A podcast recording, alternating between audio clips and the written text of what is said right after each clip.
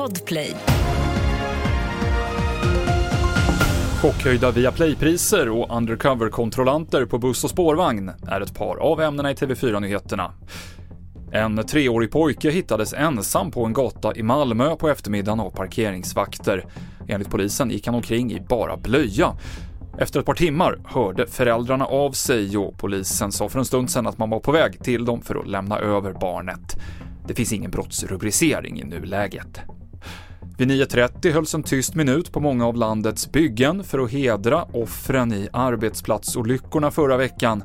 Bland annat så dog fem personer när en hiss rasade i Sundbyberg norr om Stockholm. Golvläggaren Jonas Bergqvist är en av dem som pausade arbetet på förmiddagen. Eh, man reflekterar väl mer över att det kan hända.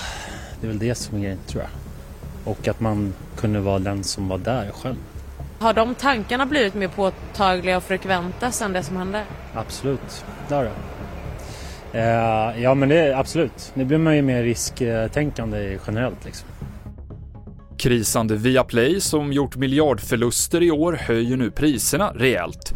Sportpaketet som innehåller bland annat Formel 1 och Premier League-fotboll kommer att kosta 699 kronor istället för 549 i månaden, en höjning med nästan 30 procent.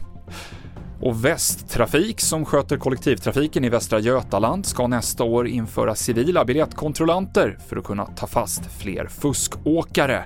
Vi hör VDn Lars Backström. Ja, men det är ganska beprövat. Eh, det görs på andra ställen i Sverige och även i andra delar av världen. De kommer ju finnas i, i trafiken precis som, som våra biljettkontrollanter eh, finns där. Eh, som ibland också åker, åker med. Men vi ser ju att när biljettkontrollanter går på så går väldigt många fler av eller väljer att inte gå på. Uh, och uh, det råder inte riktigt biljettkontrollen uh, bot på. Så att, vi får se om det här kommer göra skillnad, jag hoppas det. Lars Backström, VD för Västtrafik. Det avslutar TV4-nyheterna.